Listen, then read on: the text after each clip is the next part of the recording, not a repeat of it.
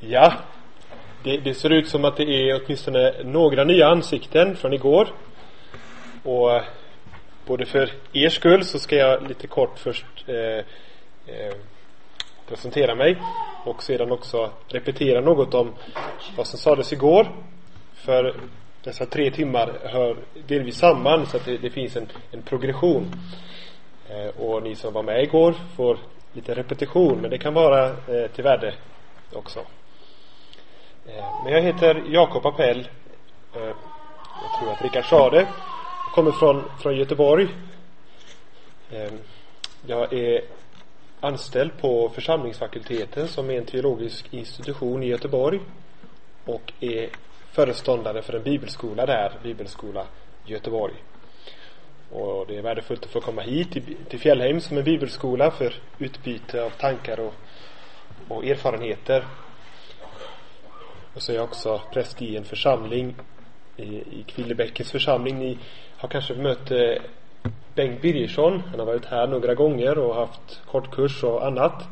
Eh, han är min kollega i församlingen i Göteborg.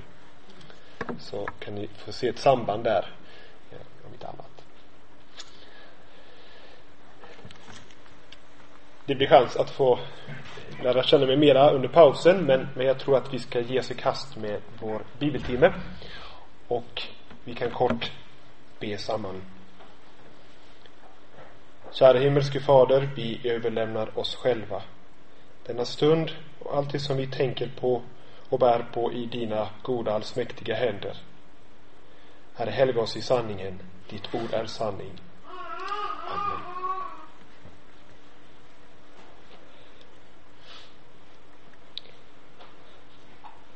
I, igår talade vi om detta med att mycket mer grundläggande än en bön och bönhörelse från Gud är barnaskapet och den relation till Gud som är full av tillit och förtröstan. Där bön blir liksom i andra hand uttrycket eller, eller utloppet för den tillit och förtröstan som, som finns där. För så här är det ju med, med barn. De har de en tillit och, och, och förtröstan till sin mamma eller pappa Ja, då sprudlar bönerna. Det kommer ut en, en massa förfrågningar. Och även om mamma säger nej, nej, nej och det kanske blir en och annan tår. Så förstör inte det förtroendet och tilliten. Utan det fortsätter. Vissa böner kanske slutar, men det kommer nya. Så som ett barn uttrycker bön på grund av denna djupa tillit och grundläggande tillit. När vi sen la märke till det, det, eh, det oväntade och väldigt anmärkningsvärda att Jesus lärde lärjungarna att be inte så som de kanske brukade be till sin Israels Gud eller våra fäders Gud utan kommer detta Fader vår till och med förmodligen med ordet Abba Fader. Abba, det är det första ord som ett litet barn lär sig att uttrycka. Som vi också känner till. Pappa, eller Abba, som de säger i den delen av världen. Och så är det som att Jesus vill riva ner alla barriärer, alla, alla avstånd, alla tankar om hinder innan vi ens börjar att be. När han ger oss, så här ska ni be. Så här ska ni tänka om den ni vänder er till. Fader, Fader vår.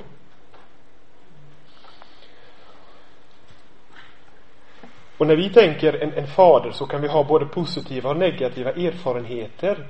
Men det är ändå så att den bästa av föräldrar på denna jord är ändå bara en, en blek skugga av den himmelske fader som är vår. Som Jesus kallar just för vår fader. Hans fader vår fader. Och då kan det vara så här att eh, Tor vittnade något om detta här att att bara genom att Jesus ger oss dessa första ord så kanske till och med vår gudsbild förändras något. Om vi börjar att tugga på och försöka förstå varför vill Jesus att vi ska vända oss till Gud som en fader? Ja, När min lille fyraåring sitter i min famn och säger pappa så är det som att fadershjärtat smälter och, och någonting varmt tändes i mig. Och något av dessa associationer eller konnotationer är det som att Jesus vill väcka när vi vänder oss till honom i bön med den bön som Jesus gav oss att be. Och så sa Jesus vid ett annat tillfälle, om ni som är onda förstår att ge era barn goda gåvor. Hur mycket mer? Skulle vi ha positiv erfarenhet av föräldrar så är det ändå så att vi ska tänka så mycket mer om vår himmelske fader när vi vänder oss till honom. Han är den bästa av fäder. Så vi ska inte för snabbt hoppa över dessa första ord, Fader vår, och så kommer bönen, utan här ska vi hitta en, en slags vila. Här ska vi söka efter tilliten som Gud ville ge med dessa orden. Så att vi förstår, detta är vår rätte fader och vi, hans rätta barn, som Martin Luther uttrycker det i katekesen. Så finner vi vilan sen kommer bönerna och då är det raka besked. Hans namn, hans rike, hans vilja. När vi oftast tänker tvärtom. Mitt namn, mitt rike, min vilja. Och så kan kanske jag förstår vem Fader vår är och jag har tänkt på det och det har fått sjunka in. Men vad kunde vara bättre än att hans namn blev högt och känt och utspritt? Vad kunde vara bättre än att hans rike breddes ut och att hans goda och kärleksfulla vilja fick ske med mig och med hela världen? Ja, varför inte? Det skulle nog vara ännu bättre än att min vilja, mitt rike och mitt namn förbättrades.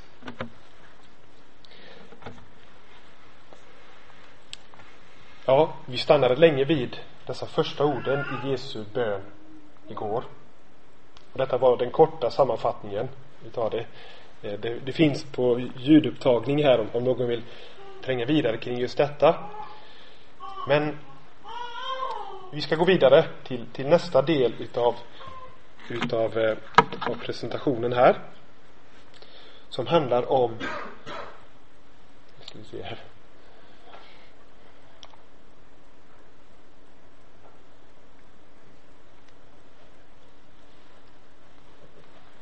Den man ska. Man ska inte fjärra den. den. Det var en bibellärare, en känd bibellärare som vid ett tillfälle undervisade studenter i Lettland alldeles efter det att Lettland hade blivit ett fritt land. Och så var där en ung kvinna som hade eh, kommit till tro trots att det fanns inte så många andra troende i Lettland under Sovjettiden. Och så frågade den kände bibelläraren eh, hur, hur kommer det sig att du har kommit till tro när alla andra indoktrinerades i kommunismens propaganda? Eller kommunismens religion skulle vi kunna säga.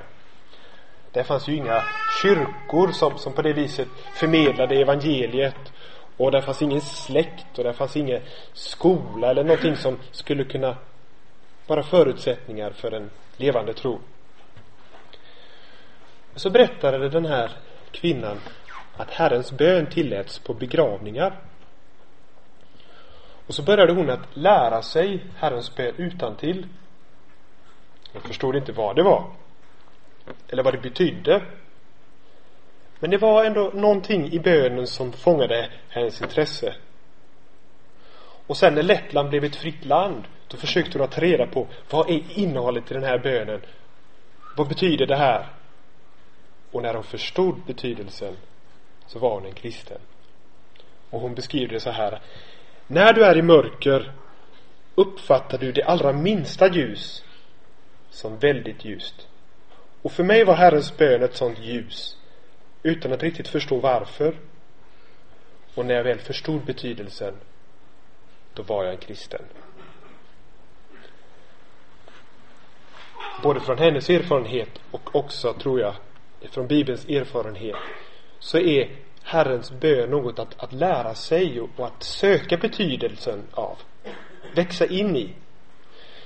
Det finns ett gammalt latinskt uttryck eh, lex orandi, lex credendi som betyder ungefär att så som vi ber så kommer vi också att tro. Och så som vi tror så kommer vi att be. Det finns liksom ett samband däremellan. Och om vi här nu av Jesus har fått en bön att be och vi börjar att be den så kommer vår tro liksom att, att formas utav den. Och det kan man säga extra mycket om Herrens bön. Den som Jesus gav oss att be.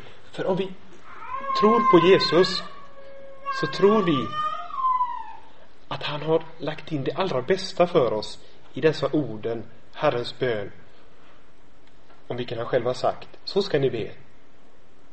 Har du sagt så, så ska jag lära det. Jag ska begrunda det. Jag ska se vad det betyder.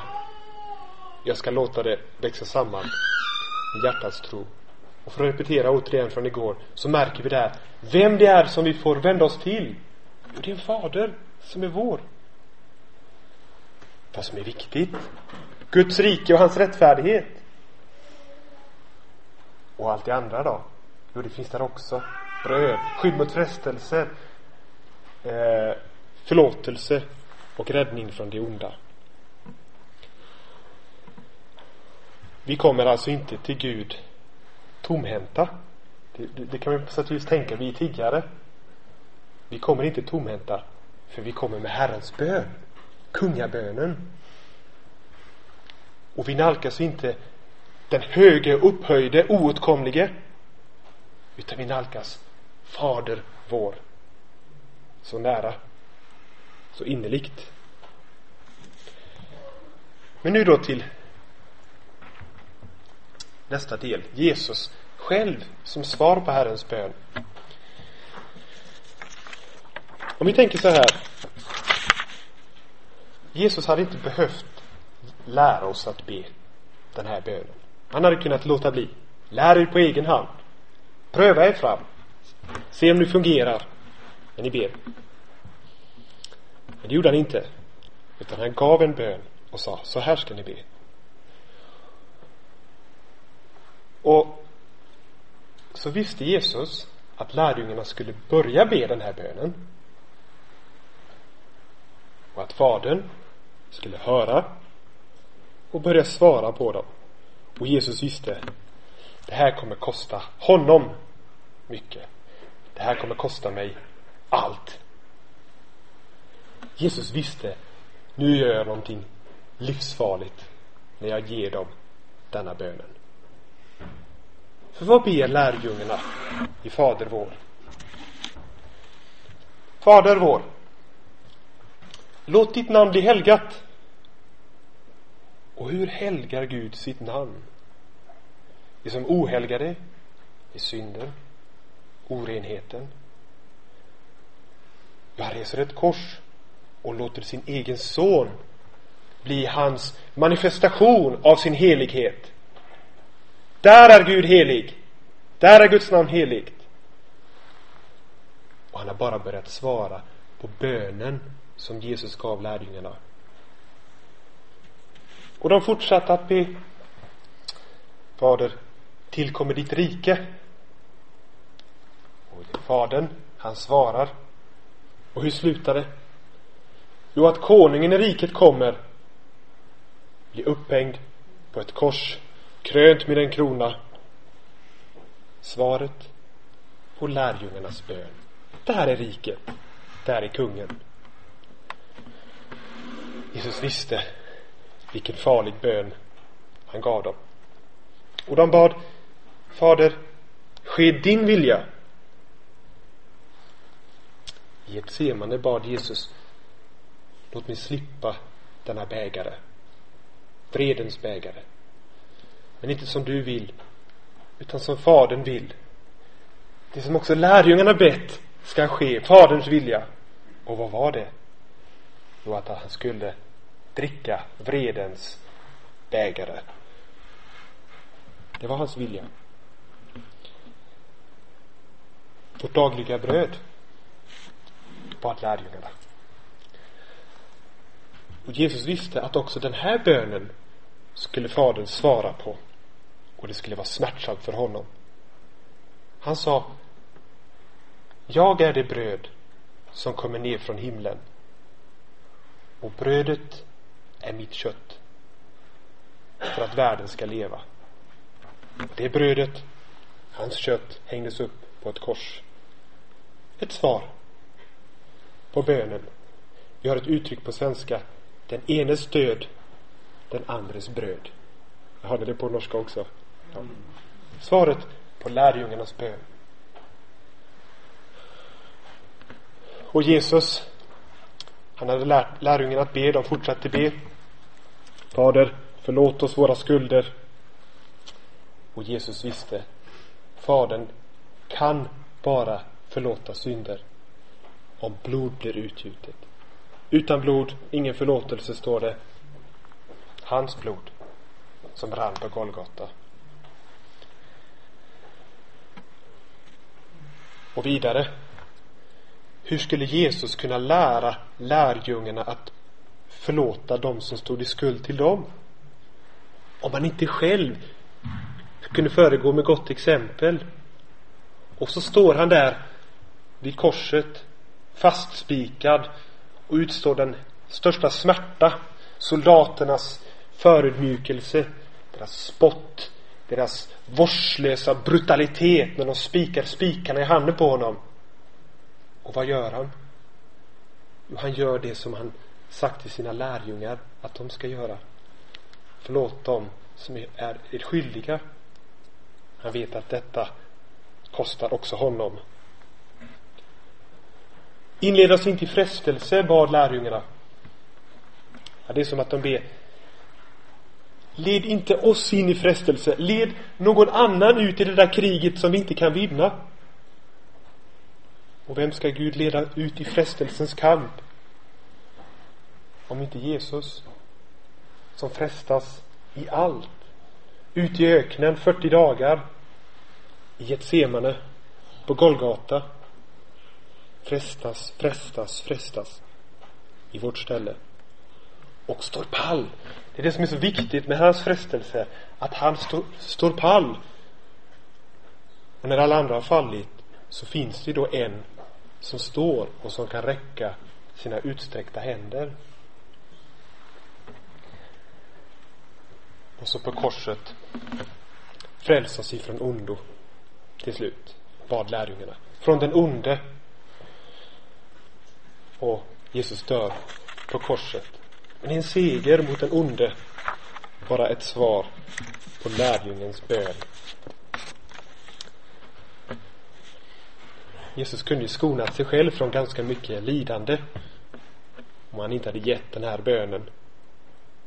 Men han gjorde det för att han så innerligt ville att du och jag skulle kunna kalla den absolut helige för din fader. Liksom sitta där som den trygga treåringen i famnen och be pappa. Och varje gång du liksom formar de här orden på dina läppar så får du tänka och så bekänner du faktiskt att Jesus gav sitt liv. Han gav allt för att du skulle kunna leva som ett Guds barn i trygghet och vila och andas i tillit och förväntan. Fader vår. Ja. Han som inte skonade sin egen son utan utlämnade honom för oss alla. Hur skulle han kunna annat än också skänka oss allt med honom, står det i Romarbrevet. Fadern, han som vi ropar till, Fader, Fader. Han gav sonen, det är själva svaret på bönen på korset. Och när han gjort det, det är den stora saken hur mycket mer de små sakerna som vi brottas med dagligen och rikligen i och för sig. Hur skulle han inte vara vår fader, nära oss, bärande oss med omsorg och kärlek.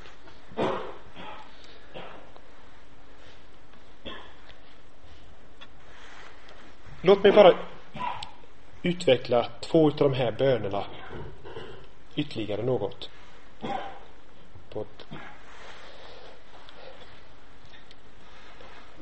Det finns en slags konflikt mellan att å ena sidan få tänka lilla treåringen som, som säger Abba, som säger pappa. Och så denna bönen, låt ditt namn bli helgat. Om ni tänker på Guds namns helighet. Och så går ni tillbaka till gamla testamentet. Och så tänker ni på Israels Gud. När han skulle manifestera sin helighet. Visa sitt namns helighet. Vad fick det för konsekvenser och effekter? Ja, det var förödande många gånger. En gång så visade Gud sin helighet i, i templet för Jesaja och Jesaja fick panik. Ve mig!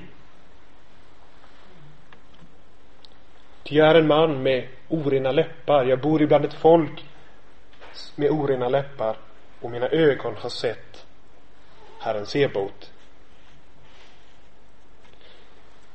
Guds namn helgat, manifesterat, heligheten. Och responsen från Jesaja blir denna upplevelse av att här är ju ingenting heligt. Och mina läppar, folket runt omkring mig, jag står nästan inte ut med det. Hur kan jag då som sitter där i fadersfamnen vilja be Helgat var det ditt namn? Jesaja här fick uppleva nästan en, en dramatisk upplevelse. En obehaglig kanske. Och så är det som att här lägger Jesus på våra läppar, be om den upplevelsen. Men ni ber, helgat var det ditt namn. Hur kan denna faderskärlek, Abba fader och Guds heligheten gå tillsammans? När den ena drar oss till Gud, ja där vill jag sitta. Och heligheten drar oss bort från Gud. Där vill jag inte vara. Med mina orena läppar så vill jag helst fly. När jag tänkte på detta så kom jag att tänka på berättelsen om Hosea i Gamla Testamentet. För den illustrerar också denna spänning mellan å ena sidan kärleken som så gärna vill hålla i famnen och så samtidigt heligheten. Den som måste på något sätt reagera med rätt, rättfärdighet. Kommer ni ihåg berättelsen om Hosea? Han gifte sig med en prostituerad, en kvinna vid namn Gomer. De får tre barn. Det verkar som att två utav dem är inte hans. Och sen strax efteråt så lämnar han, lämnar hon honom för att på nytt prostituera sig. Förmodligen i, i Baalskulten eh, i landet. Och så när ritualerna och, och, och tempelkulten har nått sin just för den tiden nått sitt slut då och hon har blivit till salu på nytt ja, då kommer Hosea och friköper henne på nytt och tar henne hem till sig och svårigheten för honom är han älskar henne så mycket och, och, och når ut till henne fångar upp henne tar henne tillbaka när ingen annan längre önskar henne men samtidigt rättfärdighet, rätt, helighet. Hur ska jag hantera det? Vad ska jag göra? Och det som har hänt, det får inte upprepas. Det kan inte upprepas. Men han önskar ändå att det ska få vara ett gott förhållande. Så som han skriver här i Hoseas andra kapitel, vers 19. Jag ska trolova dig med mig, eh, med mig för evig tid. Jag ska trolova dig med mig i rättfärdighet och rätt. I kärlek och barmhärtighet. Men Hosea, hur ska du få till detta? Vet du vem du är gift med? Hur är det möjligt? När Hosea liksom bearbetar sitt eget trauma över det omöjliga i sin egen önskan så börjar han tänka på det här är ju Gud. och hans trauma med folket, hans eget folk. Hosea han lider av att, att kärleken avvisas, förkastas, liksom trampas på. Men hur mycket mer då Israels Gud förstår Hosea.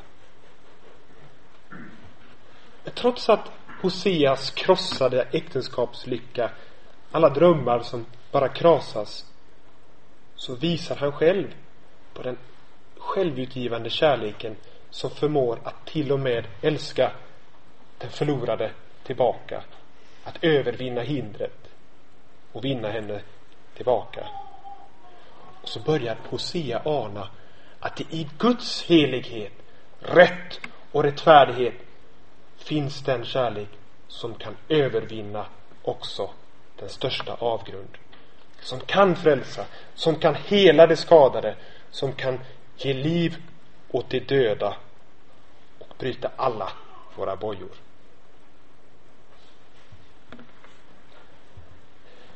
Jag är inte så säker på att Hosea fick se det förverkligat.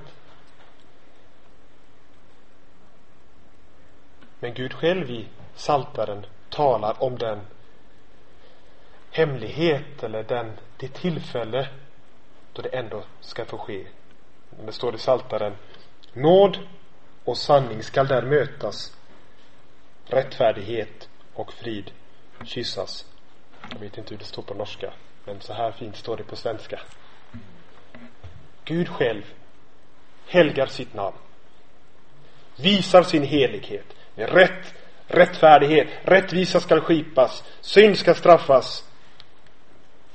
Men det är Guds egen son som blir offret en demonstration av Guds helighet. Men som, precis som för Hoseas otrogna hustru så får vi se Abba fader visa hur långt han är beredd att gå för att i sin kärlek vinna de förlorade tillbaka. Ja, Gud bevisar sin kärlek till oss, står det i Romarbrevet, genom att Kristus dog i vårt ställe medan vi ännu var syndare. Om vi tänker på Hoseas otrogna hustru där så är det liksom hela mänskligheten som inryms i den bilden när det står medan vi ännu var syndare. Han sträcker sig ut och visar hur långt han är beredd att gå för att vinna oss tillbaka. Så redan i dessa första ord i Herrens bön så liksom strålar korsets härlighet fram.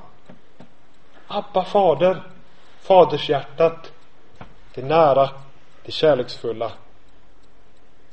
Helga ditt namn, du som förklarar oss heliga för Jesu Kristi blods skull.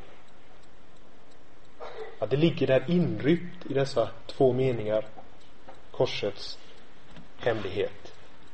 Fader vår, helga ditt namn.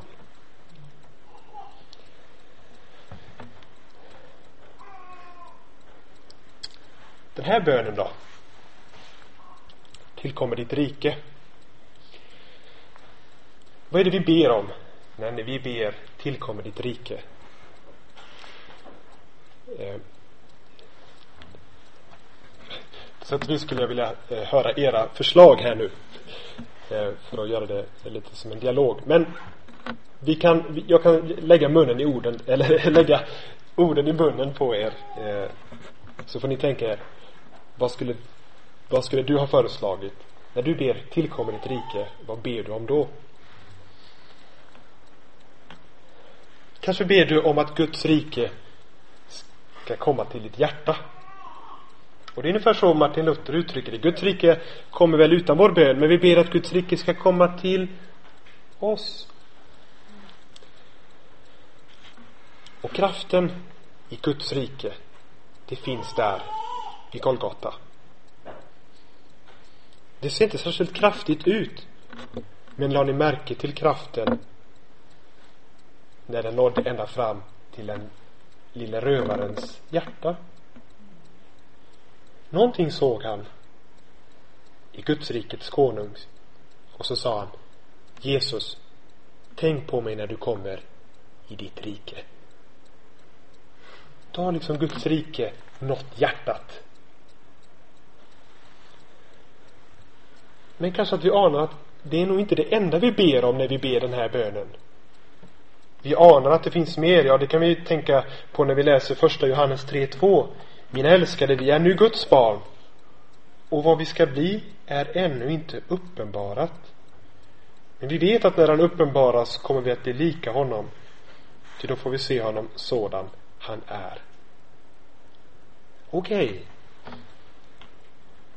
Kanske ber vi om Guds rike att det ska komma i framtiden. Den dagen då det blir uppenbart vem jag är, vem Gud är, vem Jesus är, vad världen är.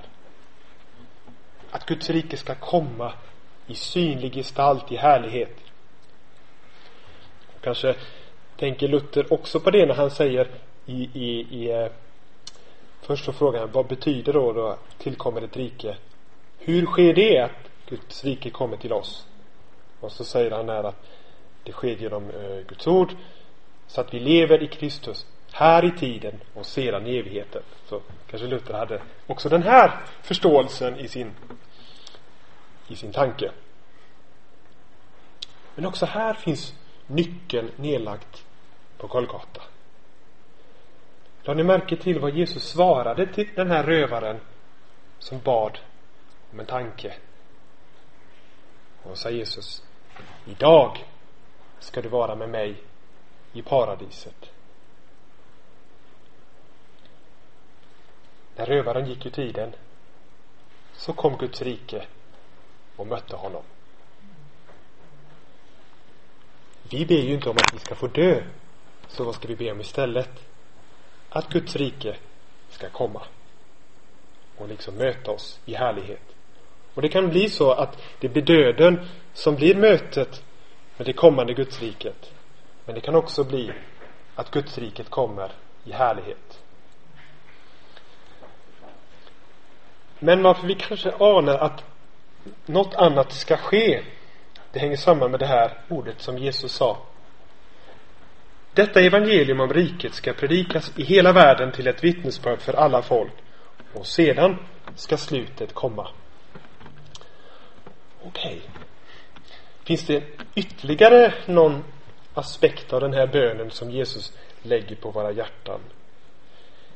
Är det så att vi ska be att Guds rike kommer genom kyrkans mission så att Guds riket liksom sprider sig ut över världen och når till alla folk så att nästa steg i bönhörelsen ska kunna ske att Guds härlighet eh, Guds rike härlighet kommer. Jag letar efter Lina Sandells sång hennes enligt min mening stora missionssång. På svenska går den så här. Tillkommer ditt rike, tillkom, eh, tillkommer ditt rike. Känner ni igen den? Herre min Gud, tillkommer ditt rike på jorden. Och så lägger hon till, sänd eh, eh, ja, sänd vittnen tror jag eh, med frälsningens bud. Ni har inte den på norsk? Nej, okej. Okay. Men Lina Sandell tänkte att Guds rike kommer när evangeliet sprids ut över världen. Ungefär som Jesus sa det. Ut med det, så ska jag komma. Och kanske också här finns en nyckel eh, vid Golgata kors. Kraften i budskapet som ska ut ligger förstås i själva korset. Men Jesus själv har en omsorg om budbärarna och vittnena. Kommer ni ihåg de två som stod där vid korset? Johannes, Maria. Moder, se din son. Johannes, se din moder. Där har vi kronvittnena. De som såg den korsfäste som förmodligen var de enda av lärjungarna som hörde de gyllene orden från korset. Och han har omsorg om dem, tar hand om varandra så att evangeliet om riket når ut till alla folk.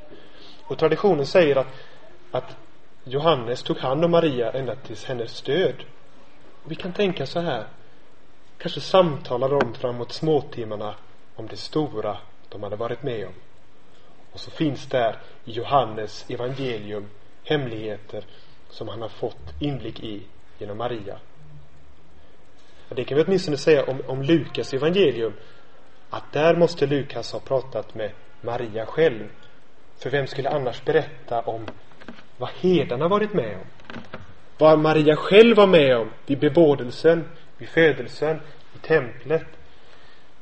Hon är kronvittne. Finns det ordet på norska? Alltså huvudvittne som var på plats. Eh, det viktigaste vittnet. Och Jesus har omsorg om sina vittnen. Och där förstås finns vi var och en med. Budskapet ska ut, men det går genom budbärare. Så när vi ber som Lina Sandell, tillkommer ditt rike, så tänker vi på budbärarna.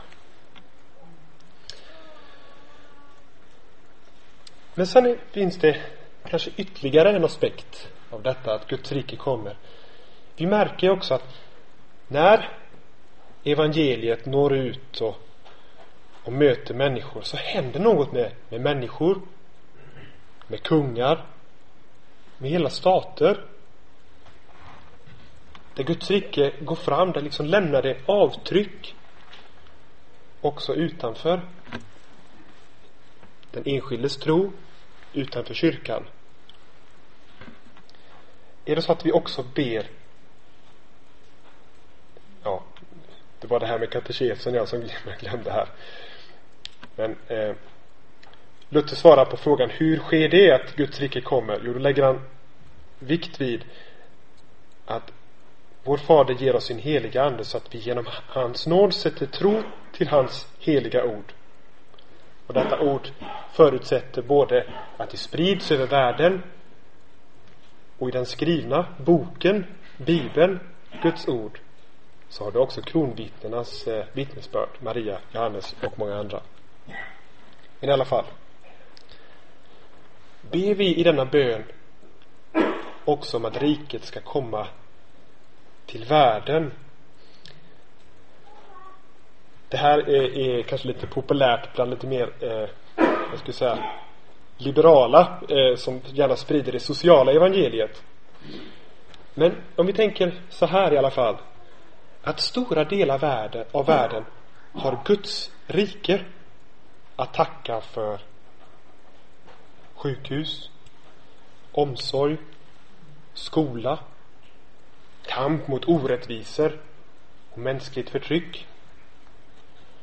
Så att även om inte människor kommer till tro eller kommer till kyrkan så har många ändå fått så stor glädje och välsignelse av Guds rike långt utanför kyrkan genom Guds rike som har kommit till, till dem.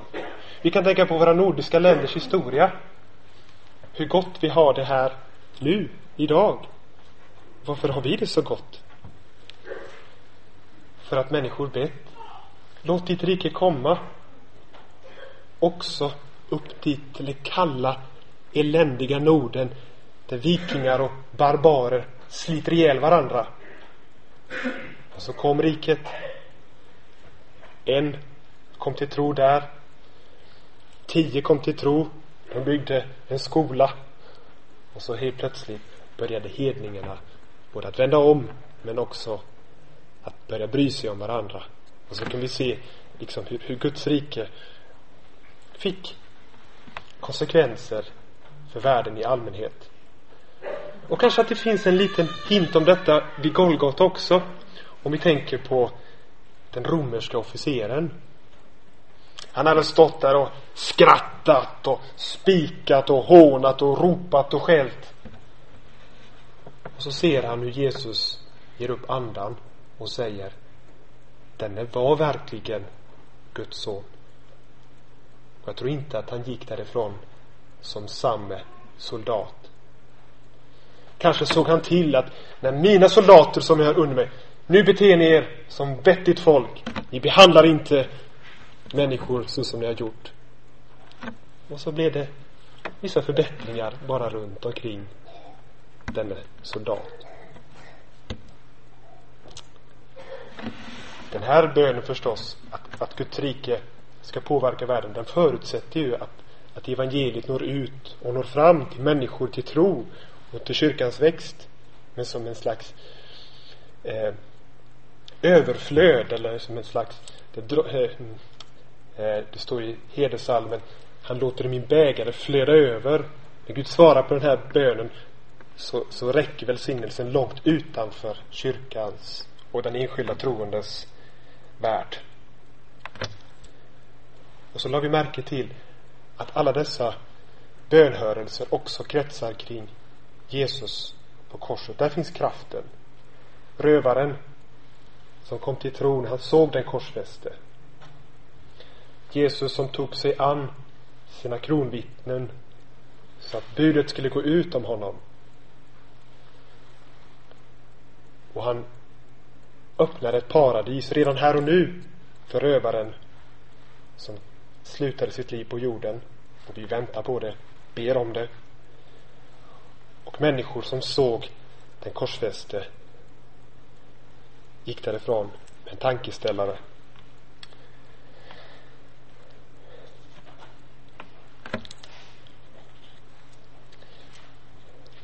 Också kring den här bönen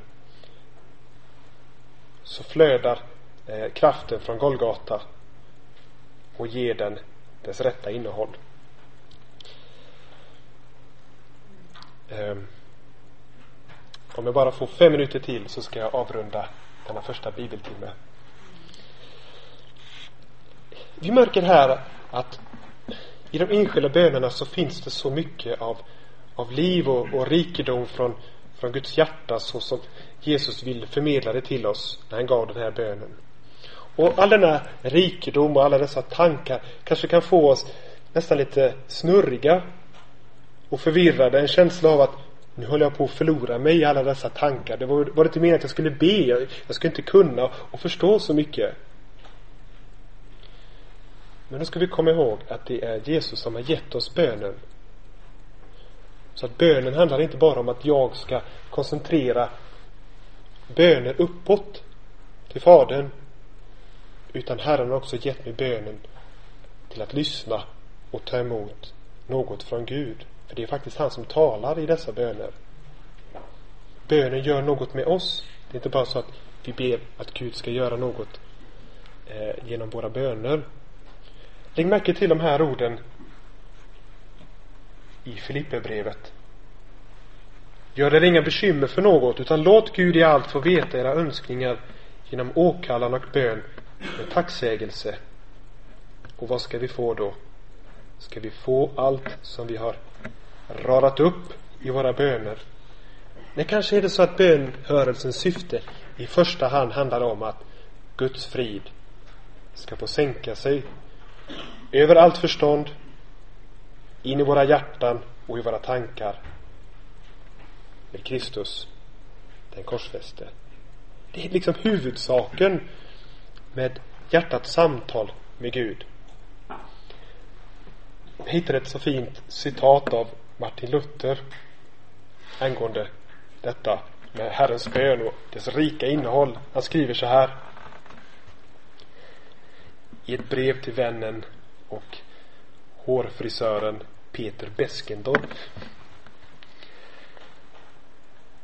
Ibland händer det att jag förlorar mig ibland så många tankar i en bön att jag glömmer de andra sex. Det här handlar alltså om, om fadervård. Om en sådan mängd av goda tankar kommer till oss så ska vi förbise de andra bönerna och ge rum för sådana tankar. Lyssna i stillhet och under inga omständigheter förhindra dem.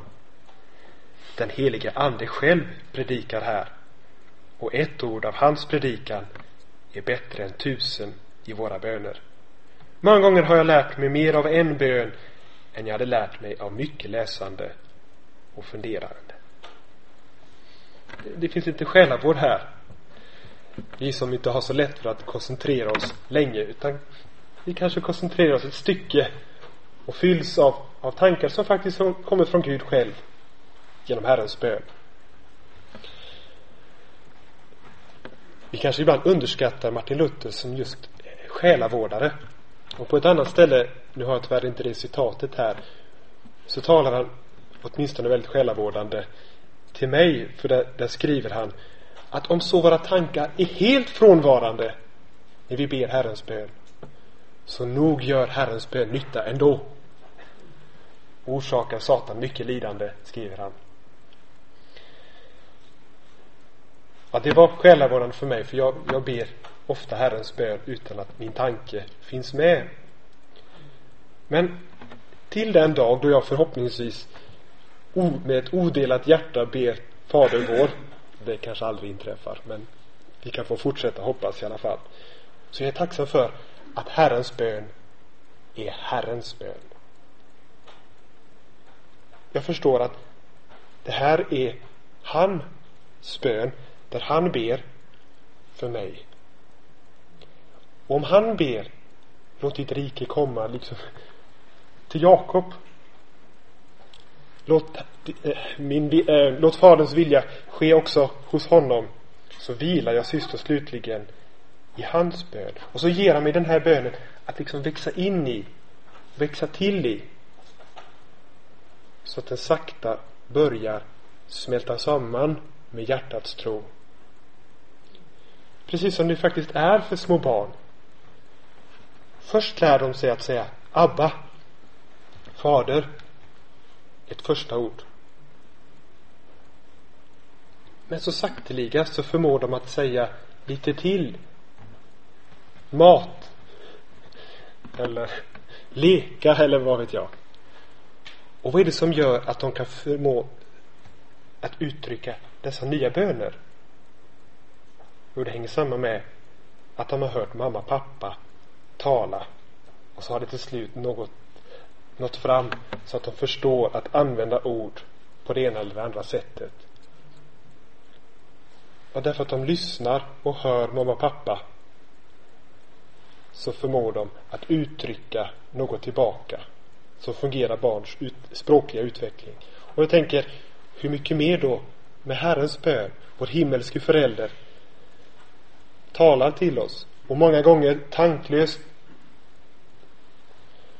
när jag var yngre så tyckte jag alltid att jag kom på mig själv med att be Fader vår men jag hade precis jag kom alltid på mig själv precis efter att vi hade bett och förlåt oss våra skulder och så skämdes jag så mycket så jag tänkte att nej men nu missade jag den viktigaste bönen där förlåt mig och så fick jag börja om bara för att jag skulle säkerställa att min tanklöshet inte var mig till last. Nåväl, när jag var ett barn så tänkte jag som ett barn. Eh, men ändå, när min fader får tala till mig genom bönen så händer något som gör att jag mer och mer blir samstämd med honom. Och det blir också mitt hjärtas bön steg för steg. Ja, det är Abba fader som själv ger bönen, som ger orden, som ger hjärtat och som ger anden som talar. Barnaskapets ande.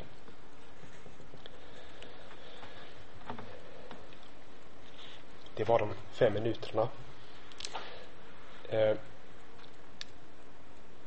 jag vet inte hur seden är här Rickard, om, om det är så att det ska lämnas tid för frågor eller, eller eh. Jag kan gärna göra det med en gång eller med en sång emellan. Det blir som du önskar. Okej. Okay. Eh, vi, vi, om det är någon som har någon, någon eh, fråga eller kanske någon eh, både från igår och från idag eller någon tanke eller kommentar så, så kan vi ju dela det med varandra.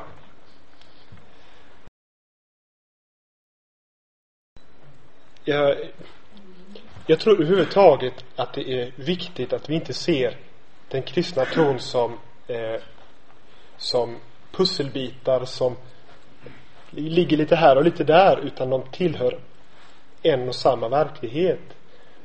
Där det finns ett centrum med Kristus den korsfäste. Och så har alla lärosatser och alla andra inslag i, i tron en, en eh, en relation till detta centrum, ungefär som ekrar på, på ett cykeldäck. Och hittar man inte kopplingen mellan Fader vår och, och Kristus så, så måste man arbeta lite grann på, på att se kopplingen. Så att det inte blir som att eh, ja, nu tror jag på Kristus här. Och vänta nu, så ska man be också. Och så förstår man inte hur de två hänger samman. Eh, jag ska komma tillbaka till detta på den, på den sista punkten när jag talar om hur Fader vår har en sån djup förankring i, i dopet och i, i nattvarden. Apropå just detta att pusselbitarna hänger ihop. Det är inte så att vi, vi, vi lägger dem som olika pussel utan som ett och samma pussel. Med bilden av Kristus framför oss. Mm. Jo, ju mer, ju mer jag tänker på innehållet i Fader vår så är det nog den mest eh, själavårdande bönen som finns och som är given. Och även när jag tänker på, på saltarens böner som kan vara så oerhört själavårdande för de talar så väldigt in i våran egen livssituation. Vi kan, vi kan känna igen oss i de orden. Till exempel Varför är du så orolig i mig min själ? Jag talar till mig själv. Och så säger själen till sig själv Sätt ditt hopp till Herren. ni, tänker ni på den eh, Saltaren 42 där? Där själen talar till sig själv. Först talar jag hur jag känner och sen talar jag till själen med Guds ord. Sätt, hopp, sätt ditt hopp till Herren. Men också i Fader vår så finns eh, detta nedlagt både att, att Gud nu talar till mig, då, då ligger en själasorg både bara i detta att Gud faktiskt ger mig ord som jag får göra till mina in i min, i min, min eh, livssituation. Eh, och ju mer jag utvinner och, och, och liksom tuggar på varje bön, bönparti från, från Herrens bön, desto mer kan jag hämta ur det i också i olika livssituationer. Eh, så till exempel eh, tillkommer ditt rike. Ja, det är han som är ansvarig för riket, exempelvis.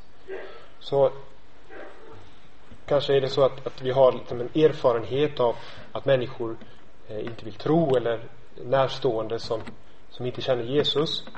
Och så upplever vi en frustration över att vi når inte fram och vi, vi, de lyssnar inte och så vidare. Och så påminns det här om att riket, det ber vi Gud om att han ska låta det komma. Så om inte jag med mitt kontrollbehov kan låta riket nå fram i dessa närstående så lämnar jag det i hans händer så får han låta riket komma. Och han är inte beroende av, av mig. Om jag tiger så kommer stenarna att ropa. Han hittar vägar för att Guds riket att komma och för viljan att ske. Så